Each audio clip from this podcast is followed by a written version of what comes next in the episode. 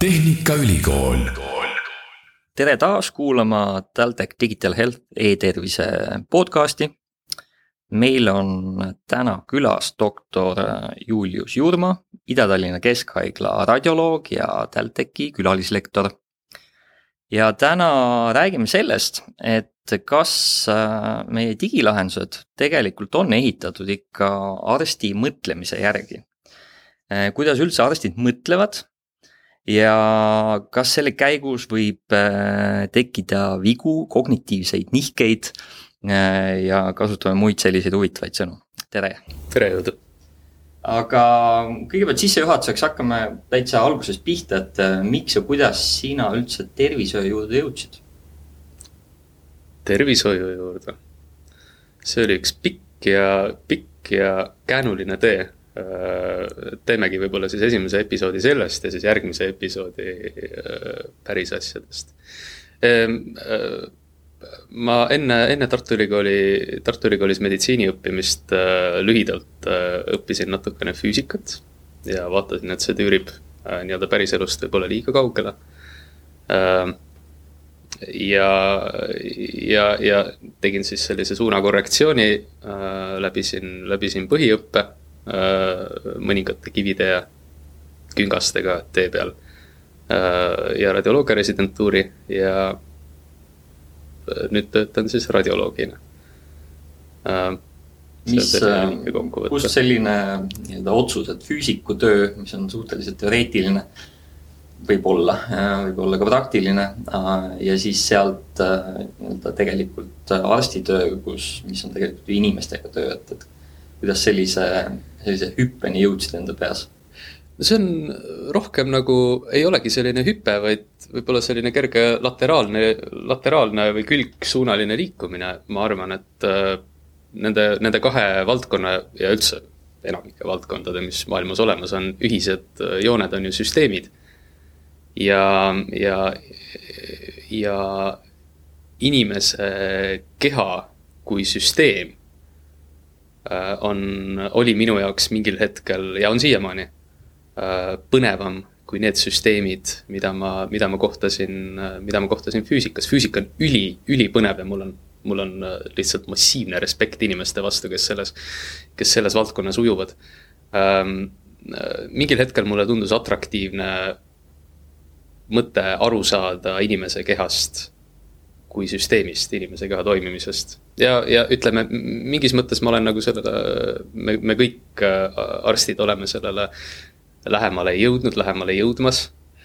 Äh, süsteem ise läheb järjest keerulisemaks, aga, aga see on nagu see atraktiivne koht minu jaoks meditsiinis. inimkehas vist on umbes sama palju juhuslikkust, kui on äh, füüsikas või ütleme teadmatust ja, ja nii-öelda, mida me ei tea, miks asjad nii töötavad.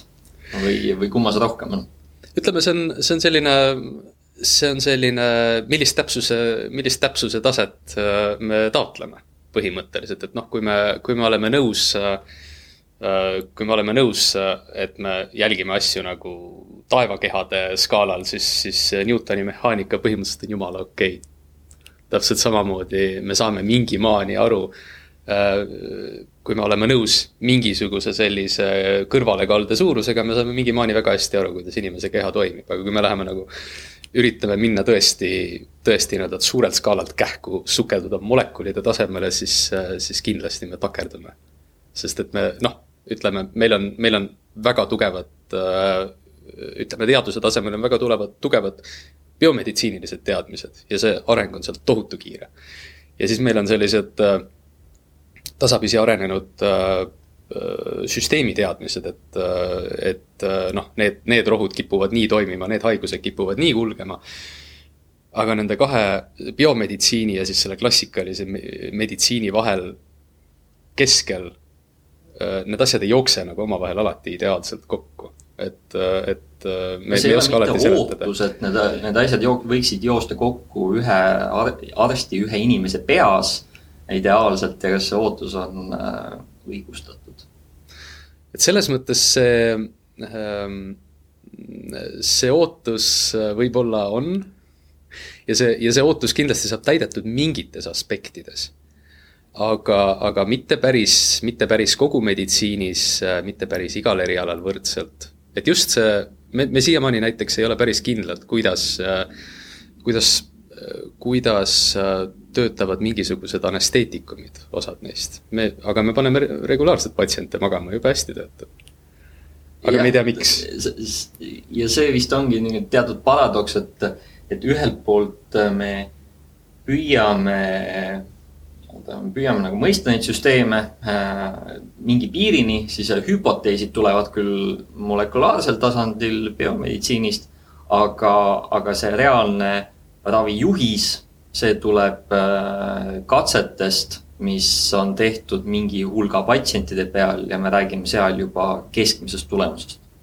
jah, jah, see on, see on, see, see on iseenesest üks hästi lahe aspekt äh, meditsiini juures ja ütleme laiemalt seda, seda saab äh,, laiemalt seda saab sõnastada niimoodi, et äh, või, või see, see selle, selle erinevate maailmade põrkumise saab sõnastada nii-öelda küsimusena, et kas, kas meditsiin on teadus või ta on kunst. ja, ja tegelikult ei ole ta nagu kumbagi. ta, meditsiin ei ole puhas teadus, me ei saa, me ei saa nagu lõpuni seda reduktsionistlikku või positivistlikku äh, teaduslikku lähenemist meditsiinis kasutada, sest me lihtsalt ei tea kõike, siin on nii palju müstikat. aga ta ei ole ka päris kunst ses mõttes, et see on, see on ikkagi selline, see, see, see ei ole, see ei ole luule, see on süstemaatiline tegevus mingisuguse konkreetselt defineeritud eesmärgi suunas. et, et see, et see tõde on seal kusagil vahepeal, üks, üks hästi vahva raamat on, mida, mida ma hiljuti lugesin ja mida, mida kuulajad võib-olla, kes, keda see küsimus praegu erutas ähm,. raamatu pealkiri on How doctors think Äh, ja autor Catherine Montgomery, kes ei ole arst, vaid on, vaid on äh, ühesõnaga humanitaartaustaga kodanik, aga on aastakümneid õpetanud siis äh, arste. ja, ja see on siis tema sellise kui, kui humanitaari, aga aastakümneid arstidega suhelnud inimese vaade sellele, mis on, mis on meditsiin üldse, kuidas selline asi juhtub. ja see on üks tema põhiargumente, et, et, et me, me peaksime väga selgelt endale teadvustama, et meditsiin ei ole ei teadus ega kunst, et, et ähm, noh, teadusele on ju teaduse ootused. Ähm, et, et kõik on, et kõik on äh, nii-öelda redutseeritav mingisuguste üksikosadeni ja algpõhjusteni, mida see medi-, mida ei ole, meditsiin ei ole selline õnnetuseks või õnneks et, et me ei saa alati aru, miks, miks patsiendid teevad seda, mida nad, miks patsiendid reageerivad mingile ravile nii, nagu nad reageerivad. või nende keha reageerib. just, et, et absoluutselt ei saa aru alati. aga, aga ütleme sellise empiirilise tõendusega me niimoodi samm-sammult liigume edasi mingisuguse ühise, patsientidega siis ühise eesmärgi suunas. ja, ja suurel skaalal see asi toimib mis, mis tekitabki oma, omajagu konflikti ka ühiskonnas olukordades, kus me räägime, ütleme näiteks vaktsiinidest, eh, kus eh, ei ole olemas seda viimast tõde. ja mis, mis ütleb eh, nii-öelda noh, ei ole võimalik selgitada molekulide tasandini igale inimesele, kuidas need toimivad. ja, ja, ja see, see vist tekitab ka sellise noh, nii-öelda keerukuse nii, nii selle, selles olukorras, kus on kakskümmend minutit asja aeg ja siis, siis peab midagi selgitama. Ja kui ja, ja, ja siis tulevad paratamatult selles olukorras äh, mängu just need noh, lihtsustused äh, ja, ja ka see nii-öelda see just see, see loov pool sellest tööst, et kuidas anda edasi mingit sõnumit ja, ja nii-öelda otsustada siis kas nii-öelda nende äh, õpetuste osas või siis ka puhtalt ravi osas jah, seal, seal tekib see moment ja seal tekib see konflikt ja see on, ja see on olnud ju aktuaalne viimased kaks aastat väga teravalt. seal on äh, üks, üks, noh, seal on ju kaks varianti põhimõtteliselt, et äh, meil on, meil on valida, kas me usaldame äh,, usaldame mingeid äh, teaduslik- äh, või, või ütleme, kas me usaldame mingeid teadmiseid Äh, või me usaldame protsessi, mis meile need teadmised toob. ja kui me usaldame protsessi, ütleme, ütleme teaduslikku meetodit või süstemaatilist arstlikku mõtlemist, siis ma arvan, et me saame paremini aru, miks asjad toimivad, sellepärast et teadmised vahetuvad, uuenevad kogu aeg. ja kui me, kui me nii-öelda veename ennast, et fakt A on tõde, see noh, mingil hetkel fakt A on tõde ja, ja kolme kuu pärast ilmneb, et fakt A osutus valeks, siis protsess kehtib. protsess toimib. see, et fakt A vahetus fakti B vastu, näitabki, et protsess toimib. aga teadmised vahetuvad kogu aeg ja seda, ütleme, see, see, see paneb iseenesest, see paneb raskesse olukorda need inimesed, kes, kes usaldavadki seda teadmist kes eeldavad, et äh, keegi neile ütleme, et, äh, et teadlased ütlevad neile midagi ja see ongi nüüd, see ongi nüüd tõde. ja panebki raskesse olukorda need inimesed, ehk siis arstid ja antud juhul positsiooni tasandil poliitikud, kes peavad äh, selgitama, et, et et see teadmine ei ole lõplik, aga hetkel parim ja samal ajal protsess on õige ja nüüd keskmine tulemus nende kõigi teadmiste rakendamisel on meie hinnangul ilmselt kõige parem. ja see ei ole, ütleme, lihtne, tee nii, siis läheb hästi, tee naa, läheb halvasti, noh, nii-öelda sõnum on ju, et, et see, see, see, see paneb ähm, noh, nii, noh, nii tervishoiutöötajad on ju, kes on mingil määral sellel eesrindel, kui ka noh, antud juhul pandeemia kontekstis äh, ka on noh, riigi tasandil rahvatervise eeskõnelejad, olgu need äh, poliitikud või ametnikud. Siin, siin on, siin on viiskümmend halli varjundit selles mõttes ja see, ja see, ütleme, palju, palju lihtsam on äh,. palju lihtsam on leppida või, või palju lihtsamaks teeb elu, kui sa lepidki selle protsessiga. sest siis sa saad aru, et, et teadmised muutuvad et kui sa ei otsi, kui sa ei otsi tuge nendest seal mingitest konkreetsetest faktidest, vaid lepid, et protsess on selline ja protsess tekitab sulle faktid Äh, siis on sellest maailmast minu meelest palju lihtsam aru saada. Aga kui, kui nüüd minna tagasi selle nii-öelda arsti mõtteprotsessi juurde, siis äh, sa oled rääkinud ja näidanud mulle erinevaid mudeleid, mis püüavad kirjeldada siis äh, seda nii-öelda ideaalset mõtteprotsessi, mis võib olla, ma saan aru, teadlik või, või mitteteadlik äh, tollel hetkel. Et, ähm, et kas sa saaksid natuke kirjeldada seda, et, et kuidas sina arvad, et arstid oma kliinilisi otsuseid tehes ja neid kommunikeerides patsiendile noh, mõtlevad või peaksid mõtlema või, või võib-olla see isegi see pole õige, no kuidas peaks seda mõtlemisprotsessi mudeldama? jaa Äh, see, see on, see on terve universum ja ma mõtlen, ma mõtlen, kust, äh, kust alustada. Äh, alustada vist on kõige otstarbekam sellest, et, et, et Daniel Kahnemanil on üks raamat mida, mida, mida mitmed kuulajad on ilmselt lugenud ja võib-olla mõni kuulaja ei ole. see on Thinking fast and slow Ehm, mis siis kirjeldab seda, see, sellist äh, kognitsioonimudelit, mis koosneb, mis, mis ma saan aru, ongi hetkel nagu aktsepteeritud äh, siis äh, mudel mõtlemisest, mis koosneb kahest pidevalt paralleelselt toimivast protsessist on, on nii-öelda süsteem üks mõtlemine ja süsteem kaks mõtlemine. süsteem üks mõtlemine on siis selline kiire, automaatne, jookseb pidevalt taustal. Äh, mis, mis, äh, mis põhimõtteliselt siis, äh, siis võtab kõigest varem kogetust välja näiteid ja pritsib sulle neid kogu aeg ette. et, et noh, kui me käime ringi maailmas, vaatame näiteks tooli, siis, siis süsteem üks pritsib meile kohe fakte selle tooli kohta, mida me saame kasutada. tooli peal saab istuda, tooliga saab loopida äh, aknaid ja uksi sisse, tooliga saab igasuguseid kasulikke asju teha. süsteem kaks on äh, aeglane äh,. On äh, süsteem kaht me rakendame siis, kui me teadlikult üritame lahendada mingisuguste loogiliste operatsioonide varal mingisugust probleemi äh, ja mõlemal on omad tugevad ja omad nõrgad kohad. süsteem üks on hästi-hästi kiire süsteem üks ei nõua töömälu sekkumist, ta lihtsalt taustal kogu aeg jookseb pritsib meile näiteid. Äh, aga oht on see, et, et need näited võivad olla vähem kui relevantsed ütleme näiteks, kui me tooli asemel vaatame haiget, kellel kõht valutab, siis süsteem üks pritsib meile kohe hüpoteese meie varasemast kogetust, aga need hüpoteesid võivad olla relevantsed ja võivad, võivad mitte olla relevantsed, me ei saa seda kontrollida, nad tulevad niigi.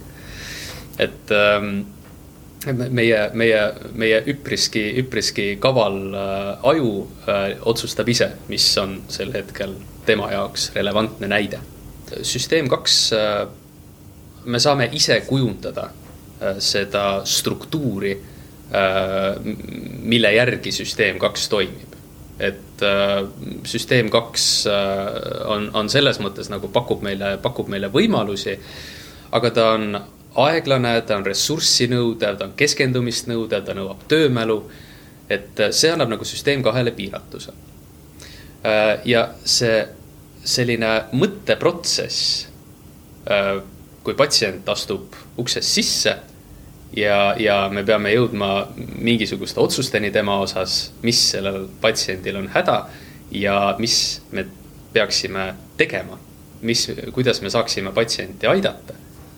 see mõtteprotsess sisaldab sugemeid äh, nii, nii süsteem ühest kui süsteem kahest, need kaks asja töötavad seal koos ja võib-olla mõnedel erialadel, ütleme, me räägime konsultatiivsest erialast, on sul aega selle äh, süsteem kahe jaoks rohkem ma kujutan ette, et äh, mingites äh, väga akuutsete probleemide lahendamisel või ka äh, noh, või kirurgias näiteks on, on jällegi süsteem ühte rohkem või üldse nagu protsessimälu ja sellist seda treenituse poolt rohkem.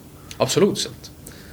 Absoluutselt. Ja need, need kaks asja, need kaks, need kaks süsteemi saavad teha meie elu kergemaks, kui need rakendada õige koha peal või, või kui me aru saame, kuidas see, kuidas see protsess toimib või, või mis need sammud on, nendest võib-olla kohe räägime. Ja nad võivad teha meie elu raskemaks ka, kui ütleme, kui, kui, kui süsteem üks pakub meile mingisuguseid kummalisi seoseid, mis on absoluutselt mitte relevantsed, siis me räägime kognitiivsetest nihetest, mis, mis ilmselt tulevad ka kohe jutuks et, äh, et see võtmekoht minu meelest äh, ja, ja, ja üks minu, minu põhiline argument äh, selle arstliku mõtlemise seisukohalt on see, et me peaksime, me peaksime rohkem konkreetsemalt defineerima selle protsessi etappide kaupa, mis on arstlik mõtlemine, kuidas, mis juhtub sellest hetkest, kui patsient sisse tuleb, kui sa esimest korda teda näed. Ähm, kuni selle hetkeni, kui sa oled jõudnud äh, mingisuguse diagnoosini ja lähed siis selle diagnoosi äh, osas mingisuguse raviga edasi, et mis etapiviisiliselt juhtub. ja, ja, ja kas need etapid kasutavad pigem süsteem ühte või süsteem kahte. sest et siis sa saad aru, kust vead tulevad kui, kui sa, kui, kui sa lihtsalt, ähm, kui sa lihtsalt äh, paugutad, siis, äh, siis äh, väga raske on analüüsida pärast, kus ja mis valesti läks. ja valesti, valesti läheb. see on, see on elu, elu fakt, valesti läheb ükskõik kellel. ja, ja, ja arstid ei ole selles mõttes erand. et, et viga või asi, mis läks valesti noh, tegelikult ju ainus viis teada saada neid asju, mida me ei tea, et me ei tea.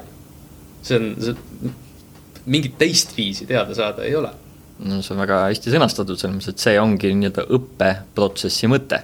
ja kui teadmisi tuleb äh, nii-öelda iga päev uusi nii nagu selle kohta, kuidas me käitume ja kuidas me, mingisugused nihked meie peas on, kui me midagi otsustame, kui ka lihtsalt neid fakte äh, ja, ja, ja seda, mida me pea, millele me peame reageerima, et noh, siis ei olegi võimalik ilma selle, sellise nii-öelda teadvustatud mõtlemise seda teha.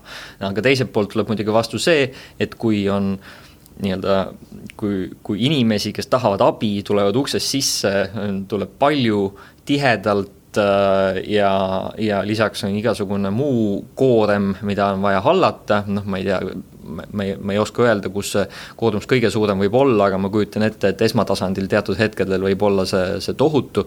siis on, siis on see, et, et, et väga ressursirohke on ilmselt arstil äh, viia ennast ju sellise aeglase mõtlemise faasi tead nendel hetkedel.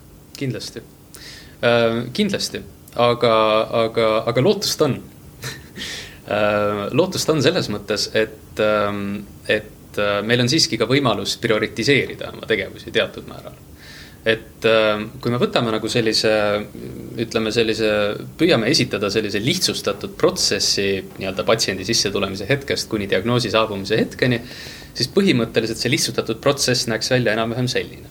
et äh, kui, kui patsient meie ette satub, äh, siis esimene asi, mida me teeme, on vaatlus esma, nimetame seda esmaseks vaatluseks, see on siis, see on siis, katsume nii-öelda saada patsiendist sellise üldise terviku, leida, mis, mis, leida need tunnused, mis hetkel või sümptomid, mis hetkel defineerivad tema seisundit kõige paremini. on see siis äh, patsient köhib, patsiendil on palavik äh,, tal valutab, kust valutab, kui kaua valutab, sellised asjad äh,. see esimene vaatlus annab meile mingisuguse kogumi, kogu, kogumi äh, tunnused või sümptomeid äh, nüüd siin tuleb kohe prioritiseerimise küsimus mängu. osad nendest sümptomist, sümptomitest on sellised, mis vajavad kohe äh, automaatset kiiret algoritmilist ravi, millele me tegelikult ei peaks noh, üldse mõtlemist pühendama. punane lipuke. näiteks, et selles mõttes äh, ütleme, kui patsiendil on, kui patsiendil on rõhk madal, vererõhk madal või, või süda lööb liiga, liiga, liiga kiiresti Äh, siis need asjad äh, me saame käi-, me saame kohe algoritmiliselt ära käsitleda, kui patsiendil, kui patsiendil on näiteks äh, kopsud, on kopsuturse, kopsud on vett täis. jälle algoritmiline käsitlus, me ei pea üldse mõtlema, me teeme näiteks, näiteks äh, nii-öelda diureetikumi ja morfiini ja nitraate ja igasugust asja, mis kõik moodustavad sellise, sellise nagu kompleksi, mis tuleb une pealt. Ja mingid sümptomid, millega on aega et selles mõttes, kui me prioritiseerime niimoodi ära, et teeme ära selle esmase vaatluse äh, ja lahendame ära kohe need sümptomid, äh, mida me saame lahendada ära kiiresti. lisaks eelmainitutele näiteks ka valuravi, et võtame selle valu ära. siis me võidame kohe aega kõigi järgnevate tegevuste jaoks, siis meil on aega rakendada järgmistes asjades nagu seda süsteem kaks mõtlemist. et, äh, et prioritiseerimine siin selles esimeses etapis süsteem üks mõtlemine on väga oluline. kui me oleme korralikult endale nii-öelda järjepideva töö käigus äh, tekitanud need rutiinid sisse, et näeme kopsuturset ja meil tuleb kohe mälust, eks ole, skeem. siis, äh, siis me ei pea süsteem kaks mõtlemist peaaegu üldse rakendama. nii, esmane vaatlus, esmane käsitlus äh, kui, kui esmane käsitlus on nagu lõpetatud, pats-, me võime öelda, et patsient on stabiilne me saame temaga nagu noh, kiired probleemid on ära lahendatud, meil on nüüd aega tegeleda järgmistega. siis järgmine ülesanne põhimõtteliselt on äh, valida välja mingisugune, mingisugune üks asi, üks sümptom, üks tunnus, mis defineerib selle patsiendi seisundit kõige paremini. nimetame seda juhtivaks sümptomiks või juhtivaks tunnuseks, inglise keeles on see uh, diagnostic pivot, see on siis nii-öelda selline see, see, see, see kaalukeel nii-öelda, kus sa hakkad kaaluma peal või vaagima neid, neid erinevaid võimalusi, mis, mis nüüd selle asja põhjuseks võib olla, mida sa näed ähm,. et ükskõik mis kompleksse probleemi lahendamisel sul on hästi palju jama on, ütleme, laual, siis sa võtad selle kõige suurema jama ja püüad hakata seda nii-öelda, mis de defineerib kogu jama ja püüad seda hakata lahendama. mis defineerib võib-olla väga, väga õige, väga õige äh,, väga õige point mis defineerib oluli-, võib-olla kõige suurema, kõige olulisema osa sellest jamast, mida sa näed. selles mõttes me ei saa, me ei saa loota, et me, et me leiame mingisuguse sellise asja, mis peegeldab patsienti kogu tema täiuses.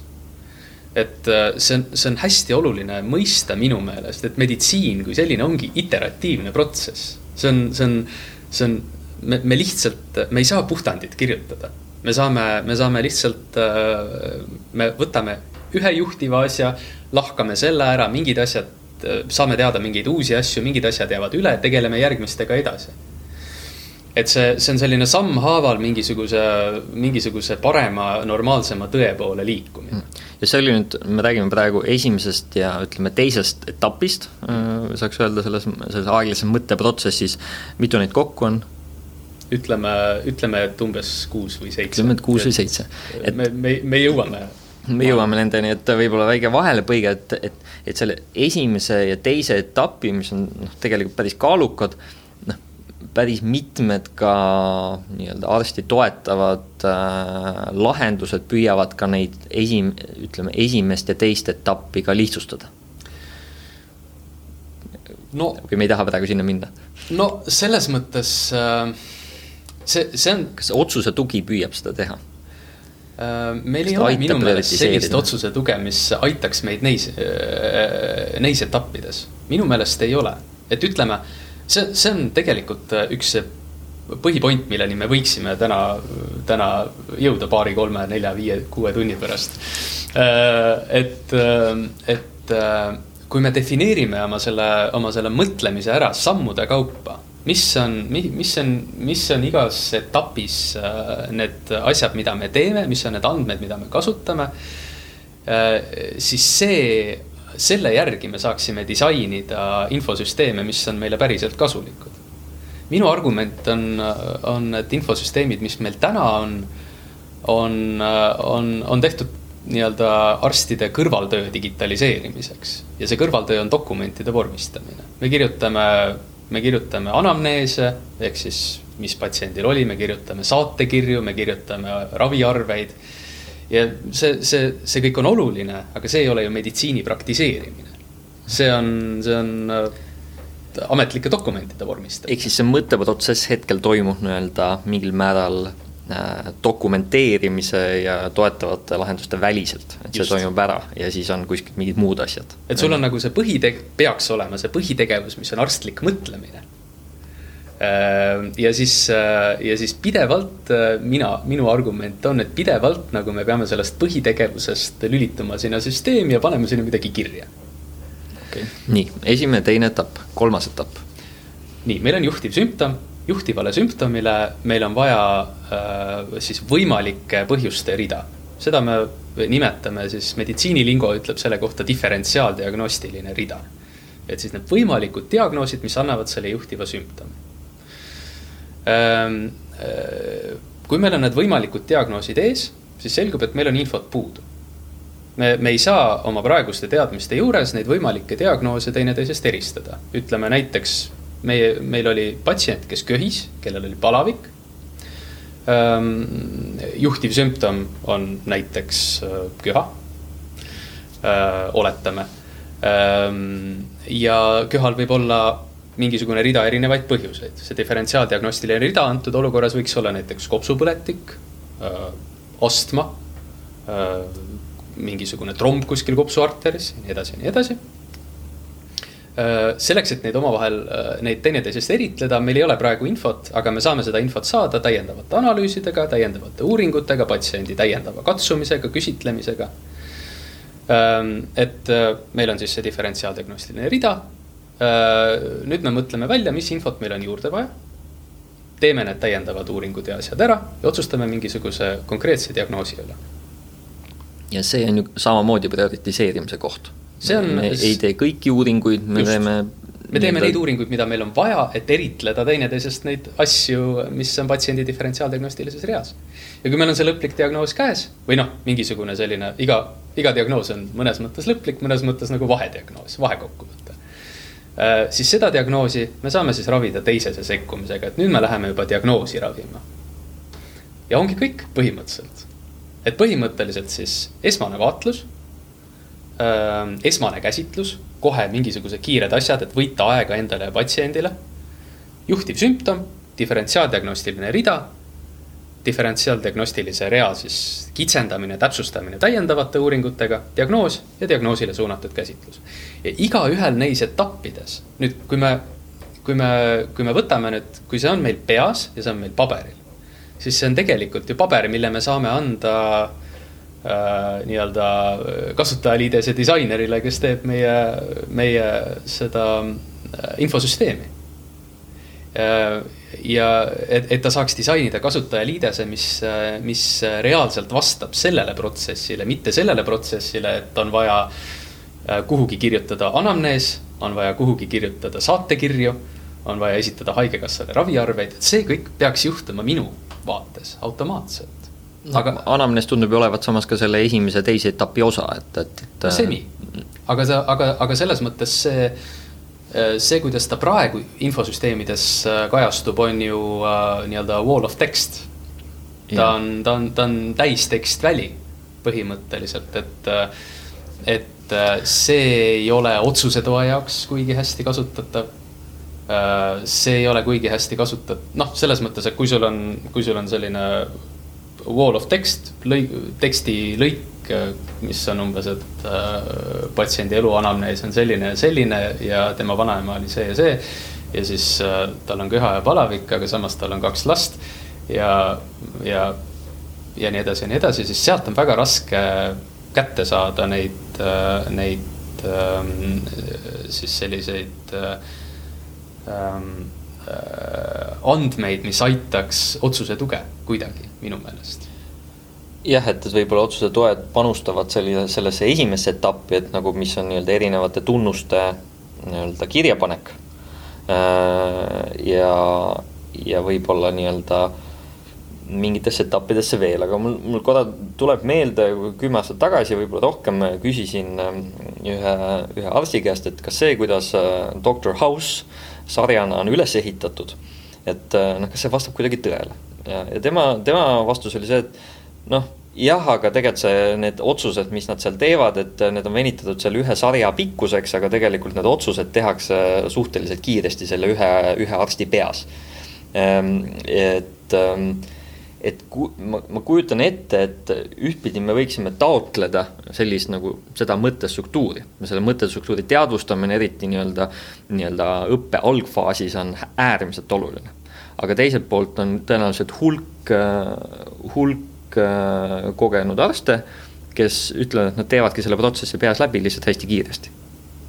see on, äh, põhimõtteliselt ma olen nõus. Ähm, ja see on kõik okei okay,, kuni midagi läheb valesti. Äh, ja siin tuleb minu meelest, siin tuleb minu meelest mängu see, see, selle asja nagu selle oma tegevuse mõtestamine, mõtestamise või oma mõtlemise üle mõtlemise ähm, põhiline kasu. et kui midagi läks valesti, kui tekkis mingisugune viga, mingi lahknevus äh, reaalse elu ja sinu plaanitu, plaanitu vahel siis, äh, siis minu meelest, äh, minu meelest väga atraktiivne, väga mõnus on, on võtta see asi juppideks lahti just etappide kaupa. millises etapis ma läksin millises etapis läks valesti?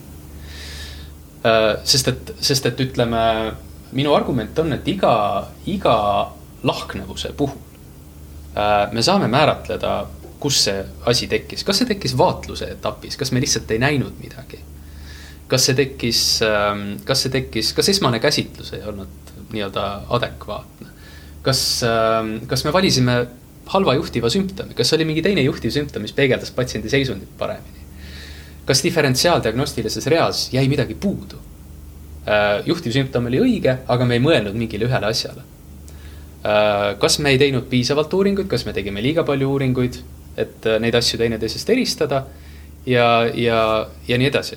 Et ähm, saab määratleda selle vea tekkimise etapi äh, ja saab määratleda, määratleda selle vea tekkimise põhjuse mingi äh,, mingi maani, et näiteks äh, Äh, me mainisime korra kognitiivseid nihkeid, et need on nii-öelda sellised siis, äh, need on sellised, ähm, sellised olukorrad põhimõtteliselt, kus, äh, kus see süsteem üks pakub meile mingi assotsiatsiooni, mis tegelikult ei ole asjakohane, tegelikult ei ole relevantne. me ei saa seda kontrollida. aga teades neid, neid kognitiivsete nihete võimalikke tüüpe. no Vikipeedia vist ütleb, et mingi viiskümmend või sada erinevat kognitiivset nihet. oi, neid on, neid on terve hunnik, aga seal on ka no, nagu selline kattuvus.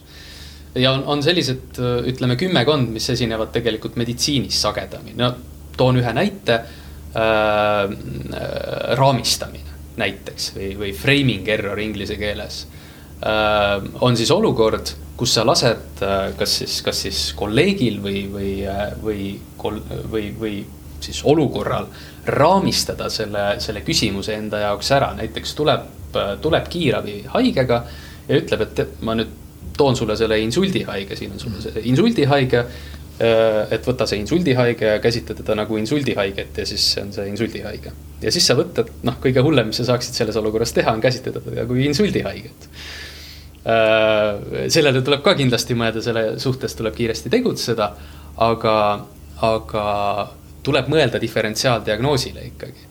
et, et mis see asi võiks veel olla sa pead minema nulli tagasi, kuigi no lihtsam äh, oleks äh, Kindlasti. alustada nii-öelda võtta see juhtlõng ette, mis nagu, mis enam-vähem tundub ok ja sellega minna edasi, aga tegelikult peaksid minema nulli ja käsitlema seda patsiendi kui, kui nii-öelda me ei tea, mis tal on. no võimaluste piires, sest insuldiga on noh, keskmiselt ikkagi nagu kiire põhimõtteliselt, aga, aga, aga võimaluste piires äh, me peaksime kõik Äh, korra käima seal nullis ära ja kähku nii-öelda formeerum-, formeerima enda jaoks selle patsiendi kui terviku.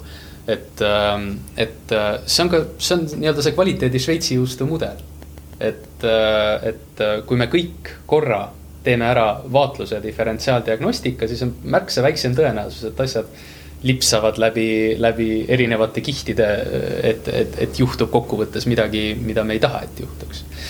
et Äh, näiteks ongi nüüd veaanalüüsi kontekstis, et, ähm, et äh, mul juhtus mingisugune, mingisugune asi. Äh, ja ma teen kindlaks, et, et vaatluse etapis mul jäi mingi asi märkamata ja, ja ma identifitseerin ka ära, et raamistamine on see põhjus, miks ma ei vaadanud patsienti näiteks korralikult lõpuni, kuigi oleks pidanud. siis see annab mulle väga tugeva tagasiside Äh, esiteks, esiteks nüüd ma tean, et mul on kalduvus seda teha, ma saan seda edaspidi näiteks mitte teha. teiseks, see annab mulle nii-öelda sellise, see lahendab selle probleemi minu jaoks, see annab sellise lõplikkuse tunde või vot inglise keeles on hea sõna closure. Eesti keeles äh, ma ei tea nii, nii head vastet sellele, mis ma tahan öelda. et, et ähm, ma ei jää selle probleemi üle enam rumineerima, ma ei jää mäletsema seda probleemi, äh, vaid mul oli, mul oli lahknevus, ma analüüsisin selle läbi ja nüüd ma ei pea seda enam põdema. Ma leidsin mingisuguse lahenduse enda jaoks, mis kujundab siis seda protsessi minu jaoks edasi. noh, sest üks kognitiivne nihe ongi vaadata, vaadata mingisuguseid sündmusi väga enesekohaselt. ehk siis nagu nii-öelda, et, et juhul, kui juhtub kolm korda järjest mingisugune viga ja tagasisidet ei analüüsita ja, ja, ja lihtsalt selgub, et ongi, läks valesti ja, ja siis in, inimene pigem kaldub mõtlema seda, et noh, ma, ma teengi valesti. Mhm. see ongi noh, tuleb meelde, ma ei tea äh, lapsepõlves kuskil tehtud mingisugune koolis mingi viga või sa-, luuletuse ettekandmises saadud kaks või mingisugune spordi, spordivõistlusel ähm, fail imine, et, et ja, ja noh, see, see, see ei ole hea on ju õppimiseks, et äh, me, me ja, ja, ja, ja see pigem aitab just see, kui nii-öelda lõikuda see, see probleem juppideks äh, ja, ja saada aru, et ahah, ma tegin selles sammus vea. Mhm.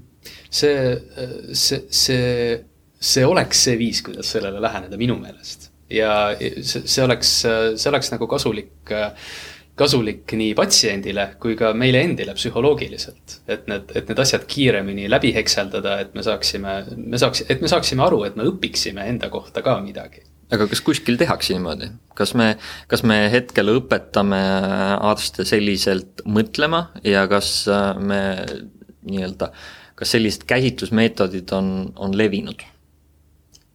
ei või noh selles mõttes ähm, ma, ma ei saa, ma ei, ma ei taha üldse öelda, et äh, meid õpetatakse halvasti või valesti, absoluutselt mitte. et ähm, äh, see on äh,, see on valdkond, kus on, see on selline, see on selline fookuse seadmise küsimus põhimõtteliselt, et, et me kipume õpetama meditsiini kui, kui teadmiste ja oskuste kogumikku. Ähm, aga me võiksime õpetada meditsiini kui protsessi. Ehm, ja, ja see, see on lihtsalt fookuse vahe, et, et ütleme, teadmiseid, teadmiseid ja oskuseid äh, on rohkem aega omandada, äh, on rohkem aega omandada siis ka seda, selle edasise karjääri käigus, aga, aga protsess tuleks omandada võimalikult vara. et ütleme, selline süstemaatiline lähenemine, sul ongi, eks ole, vaatlus, esmane käsitlus, juhtiv sümptom, diferentsiaaldiagnoos, kitsendamine, diagnoos, lõplik käsitlus. et see on nagu inimestes, et see on äh, selline üldine raamistik, milles inimesed opereerivad. et veaanalüüsi põhimõtted peaksid olema ka, see peaks olema esimene asi, mida me õpime. ja siis sellele raamistikule ehitama selle, selle teadmiste ja oskuste kogumiku. minu argument oleks see. et see, see ma, ma olen kin-, ma, ma olen üsna kindel, et me liigume sinnapoole, sellepärast et ütleme, see kognitsiooni, kognitsiooni mõistmine, see on ka see osa teadusest on nagu viiskümmend aastat vana. Nende, nende kognitiivsete nihete roll meditsiinis, ütleme, artiklid on kümne-kahekümne aasta vanused. et vaikselt see nagu, ma arvan, et see, ma arvan, et see liigub sinna ja ma arvan, et äh, ma arvan, ma arvan, et me jõuame lähemale sellele, et me hakkame eksplitsiitselt mõtlema sellele protsessile, mis on meditsiini praktiseerimine. ja võib-olla see on ka laiemal tasandil nii-öelda kui kunagi oli teadus, oli midagi sellist, et äh, teadlased tegelesid ja, ja nüüd on nagu läbi igasuguse valeinfo, infooperatsioonide toodud tegelikult nii-öelda teaduse arutelu ka võib-olla laiematesse äh, nagu massidesse, ütleks nii, et noh, et, et mingil määral ka seesama äh, arsti mõtteprotsess on ka, ta meenutab teadusmetoodikat. Äh, mille, mille nii-öelda mõte on ka noh, selles mõttes olla kindel, et iga asi, mida arvatakse, kas ka tegelikult nii on.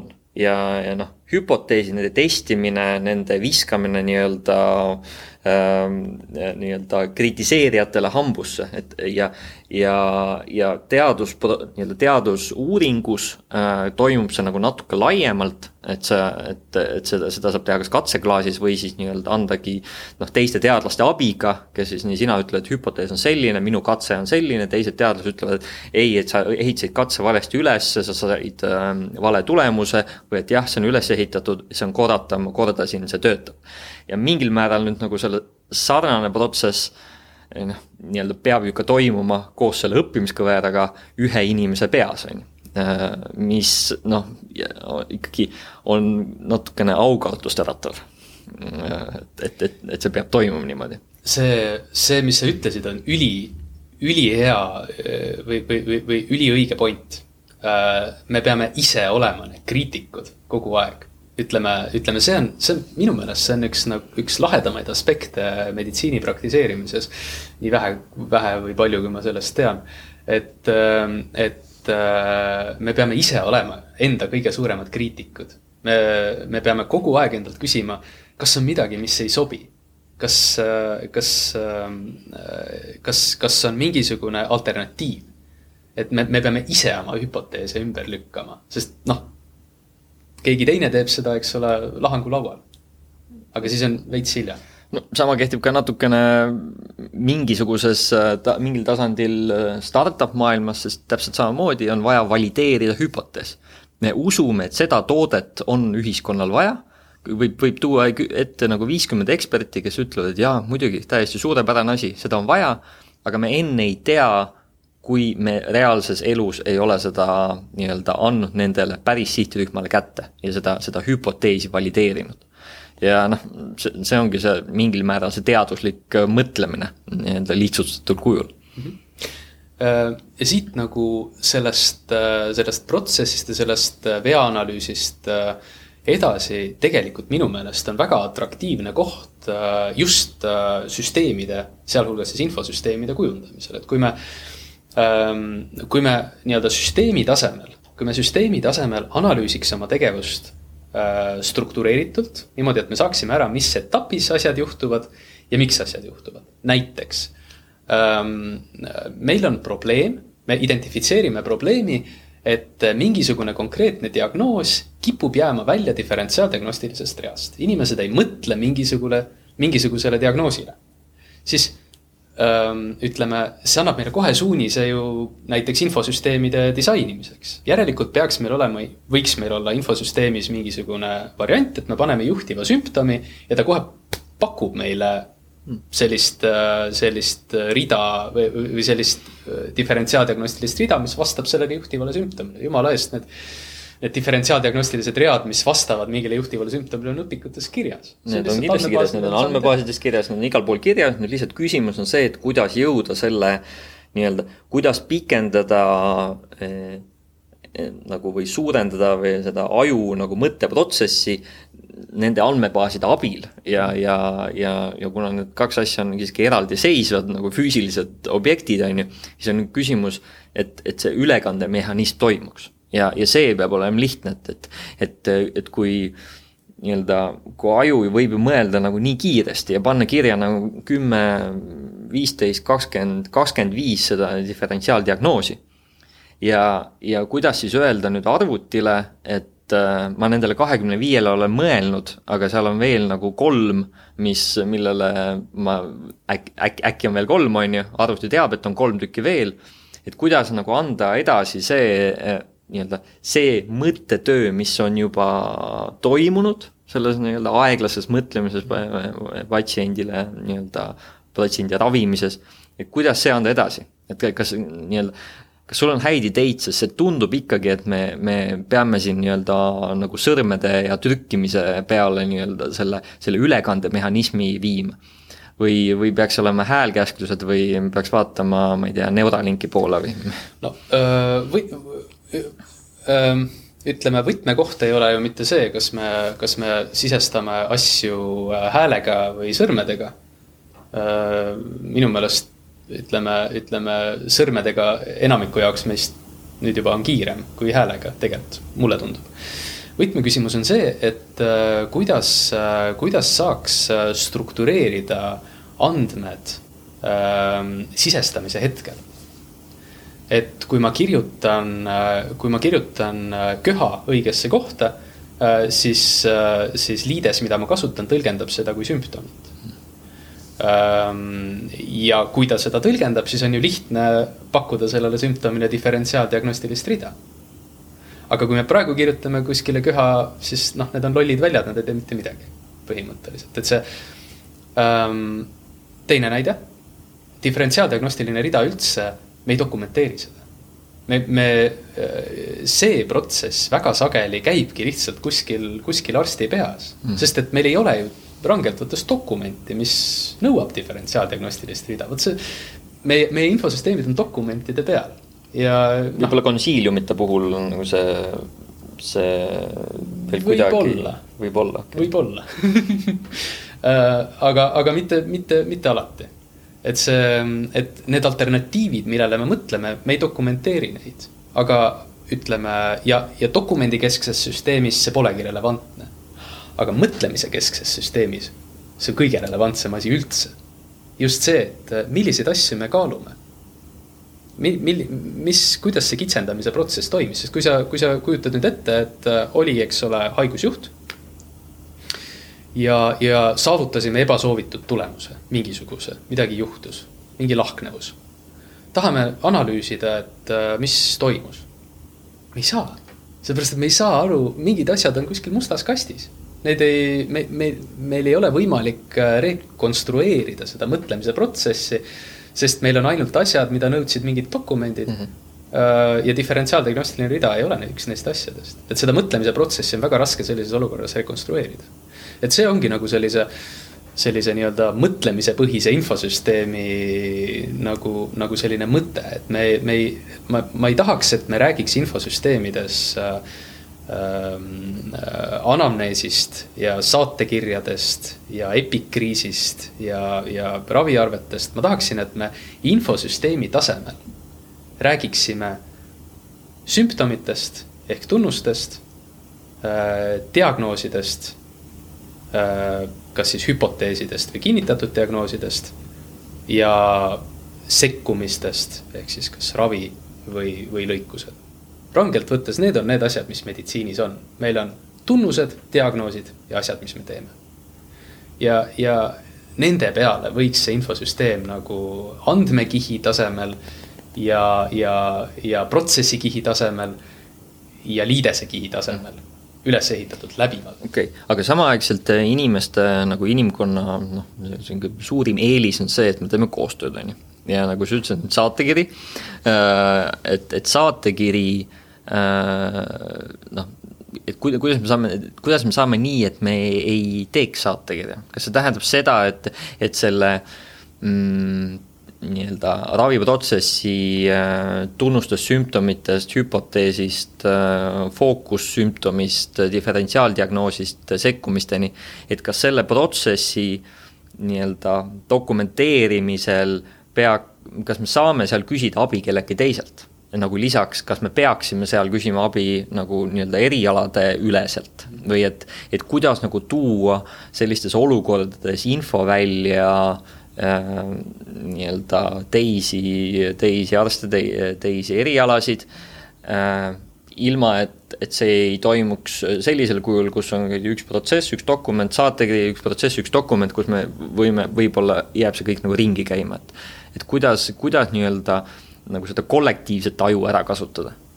see ütleme noh, kui me räägime konkreetselt nagu saatekirjast, mis tegelikult on siis ju, see on selline dokumenteeritud suhtluse viis äh, erinevate kolleegide vahel. no natuke sihuke rigiidne selline noh, võib-olla noh, see on, see on tehtud paberimaailmas, on ju, on saatekiri, et, et siis, kui nagu ainuke viis infot liigutada oli paber ja see pidi olema ühes tükis. just et see äh, on arengu, arenguvõimalused on ju selles mõttes selged, et äh, arenguvõimalusi laias laastus minu meelest on noh, on kaks sellist aspekti, esiteks ähm, kindlasti on äh,, kindlasti on vajalik ähm, äh,, saatekiri on vajalik arstile äh, selleks minu meelest, et ta saaks äh, korraks võtta aja maha ja sõnastada selle võtmeküsimuse äh, terve selle haigusloo pealt, mõelda, mis on hetkel see võtmeküsimus ja panna see kolme lause, kolme-nelja lausega kirja.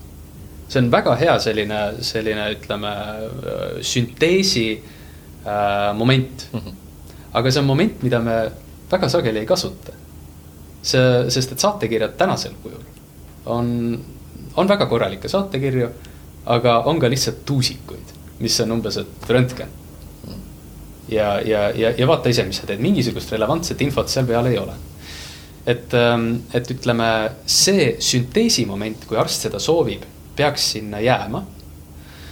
aga teisest küljest äh, ütleme, kui me struktureeriks andmed sisestamisel, siis saatekiri vähemalt osaliselt kirjutaks ennast ise ja saatekirja käigus, juhul kui me seal kogu protsessi kirja paneks, siis saatekiri äh, saatekiri seisneks võimaluses siis kolleegil äh, tuvastada sinu mõtteprotsessi selle patsiendi diagnoosimisel, ravi otsustamisel ja siis nii-öelda näpuga näidata siis nende potentsiaalsete nihete, eksimuste või puudujääkide suunas. et mina lisaksin oma eriala mõistes siia diferentsiaaldiagnoosi ritta veel viis äh, koodi. absoluutselt Äh, hoidku jumal koodide eest, aga diagnoosi, jah koodi. aga, aga jaa, see, see oleks üliatraktiiv või noh, selline väga erutav mõte minu meelest. kui, kui, kui me saaks seda, kui me saaks seda protsessi kujundada niimoodi, kui me saaks reaalselt rääkida meditsiinist, mitte nii-öelda külgnevatest dokumentidest. et see, see, see ongi nagu üks selliseid selliseid äh, põhi, põhiargumente, mis mul vist Äh, on mm. -hmm. no see on, see on ka selline asi, et äh, re, re, reaalses maailmas on nüüd, me vaatame sellele regulatsioonide rägastikule peale, äh, tervise, tervisesüsteemid on absoluutselt noh, ütleme väga niimoodi kinni ehitatud öö, omadel põhjustel, sest ta, see süsteem peavad olema konservatiivsed, nad on rahvusvahelised, nad on äh, Nad äh, on äh, nii-öelda, peavad kaitsma kõikvõimalikke asju nagu andmeid ja, ja ohutusi ja nii edasi. siin on sellist äh, bürokraatlikku ballasti on all, et et jah, et, et väga, väga keeruline on nagu hüpata muidugi sellisesse, sellisesse mudelisse, aga mis ei tähenda seda muidugi vist, et, et me ei saaks kuidagi õpetada või, või nii-öelda seda mõtteviisi muuta sellesuunaliselt mul on tunne äh,, mul on tunne, vaata, sina oled väga sügavalt startup'i maailmas sees ja mul on tunne, et see võib-olla on selline paradigma nihe, mida võib-olla võiks hoopis üks startup teha, vähemalt, vähemalt algust teha sellega äh,. alustada mingisuguse äh,, mingisuguse, alustada selle äh, liidese disaini ja andmekihi disainiga, et teha võimalikuks selline äh,, selline lahendus, selline süsteem, mis siis ongi mõtlemisepõhine, mitte dokumendipõhine. see ei ole, ütleme, raskused tekivad siis, kui me tahame seda asja pärast hakata sobitama äh, Äh, olemasolevate standarditega, tekivad ilmselt äh, piisavalt suured lahknevused, et meil on vaja uusi standardeid. Aga selleks, et kiiresti minema saada ja skaleerida, võib-olla see startup'i lähenemine oleks siin. jah, et äh, nagu mul tulevad ette mõned, mõned, mõned ettevõtted, Infermeedica, Adahelt, kes vist ka Babylon, kes tegelevad selle ütleme mingil määral äh, selle, protsessi suurema digitaliseerimisega läbi selle, et nad püüavadki luua noh, nii-öelda arsti asendavat öö, äh, otsustus, äh, nii-öelda otsustusmootorit, on ju.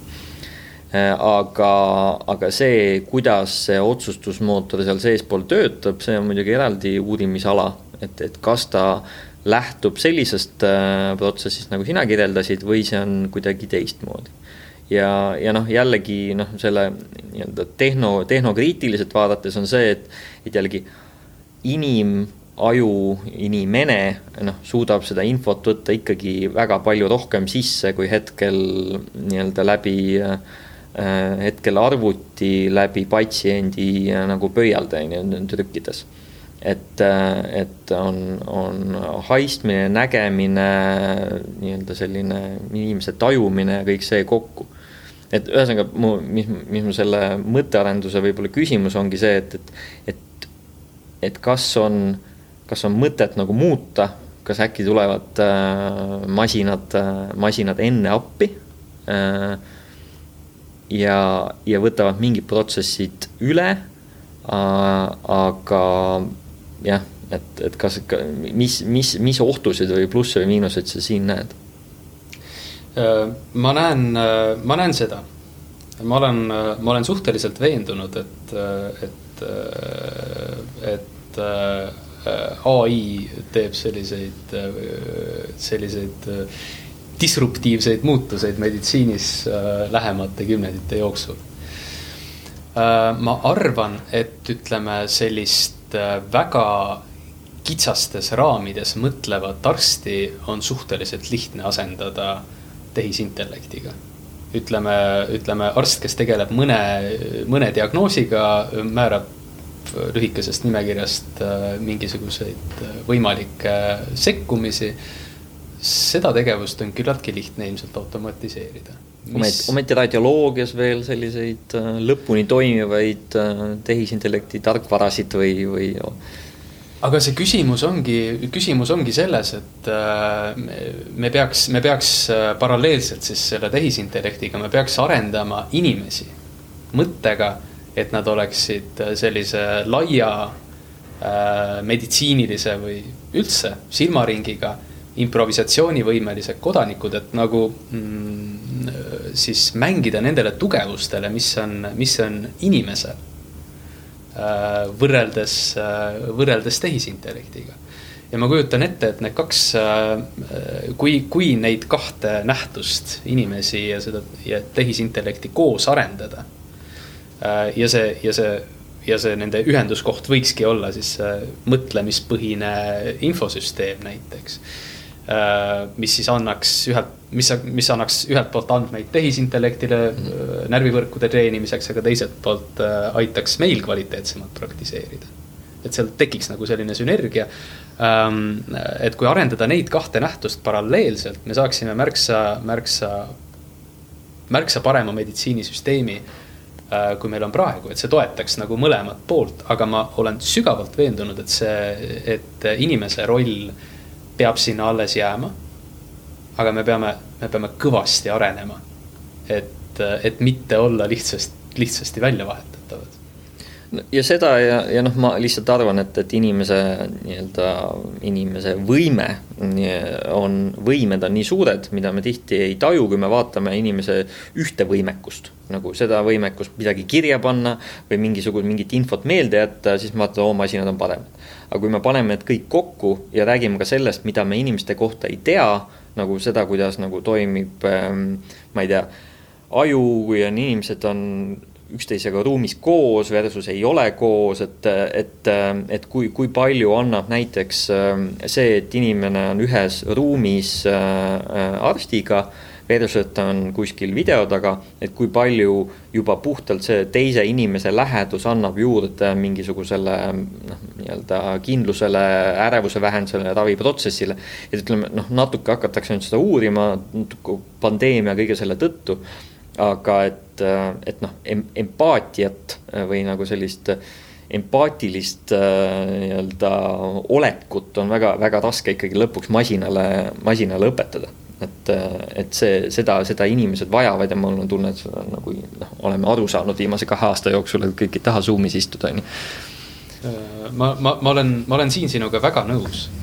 et, et noh, on, on küsimus muidugi, eks ole, kitsas ai, kitsas ai versus lai ai.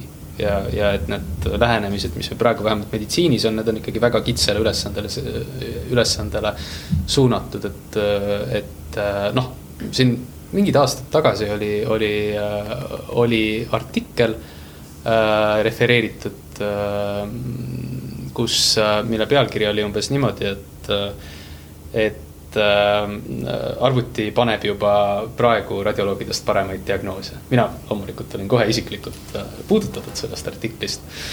aga see, aga see, selle artikli nii-öelda see tagapõhi oli siis see, et võeti kokku suurusjärgus poolsada sellist, äh, sellist ai mudelit või treenitud tehisnärvivõrku.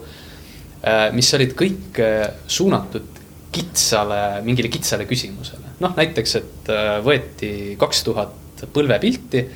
Äh, treeniti närvivõrk vastama küsimusele, kas seal on äh, nii-öelda kulumist. ja jube hästi vastas selles mõttes. aga see ei ole ju see, mida me meditsiinis teeme. Et meditsiinis meil on küsimus, patsient tuleb, kas patsiendil on haigus? mis iganes haigus et see on, see on märksa, märksa keerulisem ülesanne. ja see, ja see eeldab, see eeldab just nimelt Äh, nende, äh, see, see meie, kui, kui me läheme vestlusse algus, vestluse algusse, see meie kahe süsteem, kahes süsteemis mõtlemine, see juhuslike assotsiatsioonide pakkumine koostöös äh, ko,, koos siis selle võimalusega ehitada ise neid losse, ehitada ise endale seda mõtlemise struktuuri. see on, see on, see on tohutu eelis, mis meil on. me saame sellega teha nagu suuri asju aga me peame selles olema, me peame tajuma. no inimesed on juba teinud päris suuri asju, me oleme olnud okeid oleme hakkama saanud enam-vähem. aga mul on tegelikult kaks küsimust veel, üks on see, et aga mida nüüd nagu selle nii-öelda teadmise või mõtteviisi najal äh,. mida me peaksime tegema me praegu, et mis on see, mis on see järgmine, mida, järgmine samm, et kuidas me saaksime kasvõi Eestis olla noh, just parandada süsteemi, teha seda paremaks, et, et kuidas seda, seda mõtlemist viia sisse, et, et kas see on, kas see on tervishoiuteenuse osutamise tasandil, selle teadvustamine, selle nii-öelda läbimängimine, kas see on õppetasandil, kas see on, ütleme, ka nii-öelda andmete ja digisüsteemide tasandil, et kuidas seda noh, mis oleks niisugune lihtne next step, mida, mida, mida siin Eestis teha sa ise oled alustanud juba ja, ühe ja. koolitusega, on ju, et äh, mis, mis on juba üks, üks viis, aga. jah, on vastus kõigile sinu kas-küsimustele, jah, seda ütleme, seda suunda minu meelest peaks, äh, peak-, peaks äh, kaaluma vähemalt. alates, alates arsti põhiõppe planeerimisest Äh, kuni infosüsteemide disainimiseni välja, sellepärast et minu meelest see on suhteliselt universaalne, ütleme. meil on äh, arstide seas minu meelest on üks selline, selline äh, hea mõnus äh, langevari vastus asjadele, millest me tegelikult ei oska midagi arvata ja see on noh, et. et miks me nii tegime, see on arsti kunst, see on osa arsti kunstist, aga, aga, aga minu argument on see, et arsti kunst või see, mida me selle all sageli mõtleme, on konkreetselt defineeritav. see on õpetatav ja sellel õpetamisel on laiad implikatsioonid erinevates valdkondades, et kui minu ideaalses maailmas me alustaksime põhiõpet, äh, põhiõppe kliinilist osa protsessi õpetamisest, et me, et me omavahel arstid, me, ma, ma ei ütle, et see, mida mina siin äh, reklaamin või, või, või mida mina esitasin, et see on ainuõige. See on üks võimalik lähenemine sellele protsessile, mis on meditsiini praktiseerimine. et kui me nüüd targad inim-, targemad inimesed kui mina istuksid kokku ja lepiksid kokku protsessis, mis kataks, mille osas nad üheksakümmend protsenti ajas oleksid nõus üheksakümmend protsenti juhtudest. see oleks väga hea algus ja siis õpetada seda protsessi läbivalt igas praktikumis, igas seminaris kolme ja poole aasta jooksul. see oleks, see oleks imeline, sest see, sest see tekitaks äh, komplekti inimesi äh, arstide näol, kes mõtleksid samas ruumis kes, kes, kes ole, on, oleksid samas inforuumis, kes räägiksid samas keeles, kui sa praegu lähed. kui sa praegu lähed kuhugi, ma ei tea, osakonda ja küsid kellegi käest, ja see on sul huvitav haige, et mis on juhtiv sümptom, sa saad väga erinevaid vastuseid. ja, ja, ja, ja alati inimesed ei mõtlegi selles, ei kasutagi seda terminit. et me räägiksime samas keeles, et me kasutaksime samu termineid.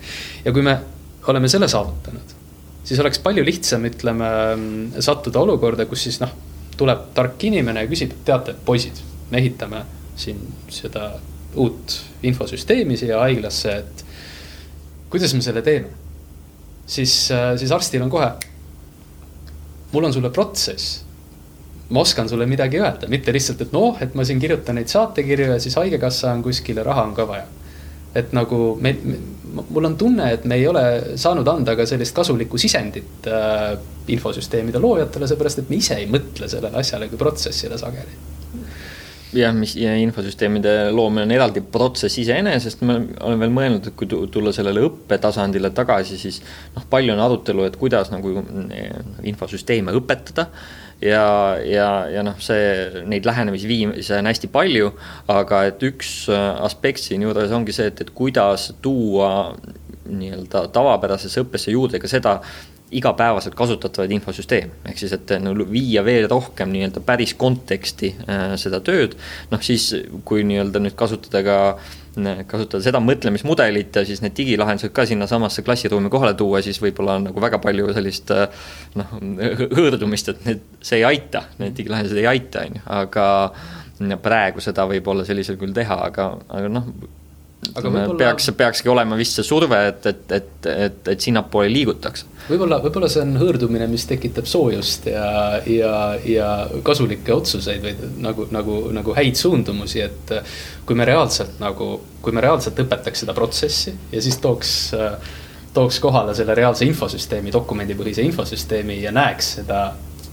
kuidas, kuidas need kaks asja võib-olla tingimata omavahel kokku ei saa siis äkki noorte inimeste peades tekiksid mingisugused pirnikesed, et kuidas me saame seda süsteemi parandada. ja samal ajal riigi tasandil muidugi äh, noh, in-, kuna infosüsteemides me väga palju siin ei peatu, aga varasemates podcast'ides päris palju just selles osas, et, et selleks, et, et midagi luua, on vaja ka häid andmeid, äh, õigel kujul andmeid ja noh, ka see liikumine praegu tervise infosüsteemi puhul, kus on hästi palju dokumente liikumine nii-öelda andmeteks, äh, mida on siis hiljem võimalik kasutada, sorteerida, kuvada ja ja, ja nii-öelda mis noh, see, see ilmselt aitaks ka seda aeglast, nii-öelda aeglast arsti raviprotsessi mõtlemist äh, juurutada, kui ka erinevad andmelaod on piisavalt paindlikud selleks. kindlasti, kindlasti et praegu äh, just ma ütleks üks võtmesõna, mis või, või võtmemõte, mis võiks jääda, jääda kõlama meie äärmiselt stimuleerivast arutelust, minu jaoks vähemalt, on, on see andmete struktureerimine sisestamise hetkel. et et, et andmeid praegu on väga raske ka retrospektiivselt analüüsida, ütleme mitte ainult meditsiiniliseks kasutamiseks, vaid ka teaduse tegemiseks või poliitikaotsuste tegemiseks, meil ei ole tegelikult kvaliteetseid meditsiiniandmeid. meil on, meil on täistekstiväljad, meil on dokumendid. Me, me saame, me saame kätte põhimõtteliselt laborianalüüsid, see on see, mis me saame kätte. aga kõik muud, ütleme uuringute vastused, patsientide objektiivsed leiud, kõik see on noh, jälle wall of text, me ei saa neid kasutada jah, kui on voolav, kui on, vahel on röntgenile ja vahel on siis äh, lehekülg teksti, mis, mis on väga põhjalik, on ju. et selles mõttes äh, põhimõtteliselt me lihtsalt viskame mittekasutatavaid andmeid kuhugi silosse ja, ja loodame, et midagi, midagi kvaliteetset pärast juhtub, aga kui me ise ei tee, siis ei juhtu ka. viimane küsimus, et, et kui nüüd praegu õpivad äh, siin TalTechis äh, e-tervise õppekaval tudengid, aga noh, miks mitte ka õed ja arstid, et mida mida oma õppe käigus, noh lisaks sellele, millest sa täna rääkisid, aga mida veel nii-öelda kaasa võtta, et, et kuidas olla valmis järgmiseks kümneks aastaks selles, selles valdkonnas, kus no ilmselt muutusi on tulemas, aga kui kiiresti ja millisel kujul, natuke isegi raske ennustada. mina, kui ma peaksin andma soovituse ja ma olengi andnud sedasama soovitust äh, praegu arstiks õppivatele inimestele ähm,. mina mõtleksin enda jaoks äh, esimesel võimalusel, isegi kui, isegi kui õpe ei ole seal mingisuguse protsessi järgi üles ehitatud, ma mõtleksin selle protsessi enda jaoks äh, võimalikult varases etapis valmis. ja ma, ma, kõik need teadmised, mis ma saan, ma, ma nii-öelda restruktureeriks selle protsessi järgi. et, äh, et see oleks võib-olla, see oleks see, kui, kui keegi teine seda meie eest ei tee siis me peame seda lihtsalt ise tegema esialgu, niikaua kuni keegi teeb. et, ähm, et äh, just, äh, just see, just see liikumine esmaselt vaatluselt kõige tõenäolisema diagnoosini. Ähm, et äh, võtaks kõik need asjad, mis meile õpetatakse ja paigutaks nad sellesse raamistikku või mingisse enda raamistikku, aga ühte hästi struktureeritud raamistikku. sest et see ütleme, kui ma seda mingil hetkel taipasin, äh, see siis iseseisva töö alguses, äh, kui, äh, kui oluline on nii-öelda see diferentsiaaldiagnostilise protsessi struktureerimine, kui oluline on see enese vea analüüs etapiviisiliselt. see oli minu jaoks nagu, nagu metafooriline valguse nägemine põhimõtteliselt, see tegi selle protsessi niivõrd nauditavaks Äh, meditsiini praktiseerimise niivõrd nauditavaks, et äh, ma, ma kahetsen, et ma seda kolm aastat varem ei teinud, et see võib-olla oleks minu soovitus arstidele. ja, ja õdedele ja, ja teistele kolleegidele ma kindlasti soovitaks kannatlikkust äh, arstidega hakkama saamisel. me oleme ikka jube seltskond mõnes mõttes. sihukese positiivse noodiga saab siis lõpetada väga põnev vestlus oli, aitäh, Julius ja, ja järgmiste kordadeni kindlasti järgmiste kordadeni, aitäh kutsumast.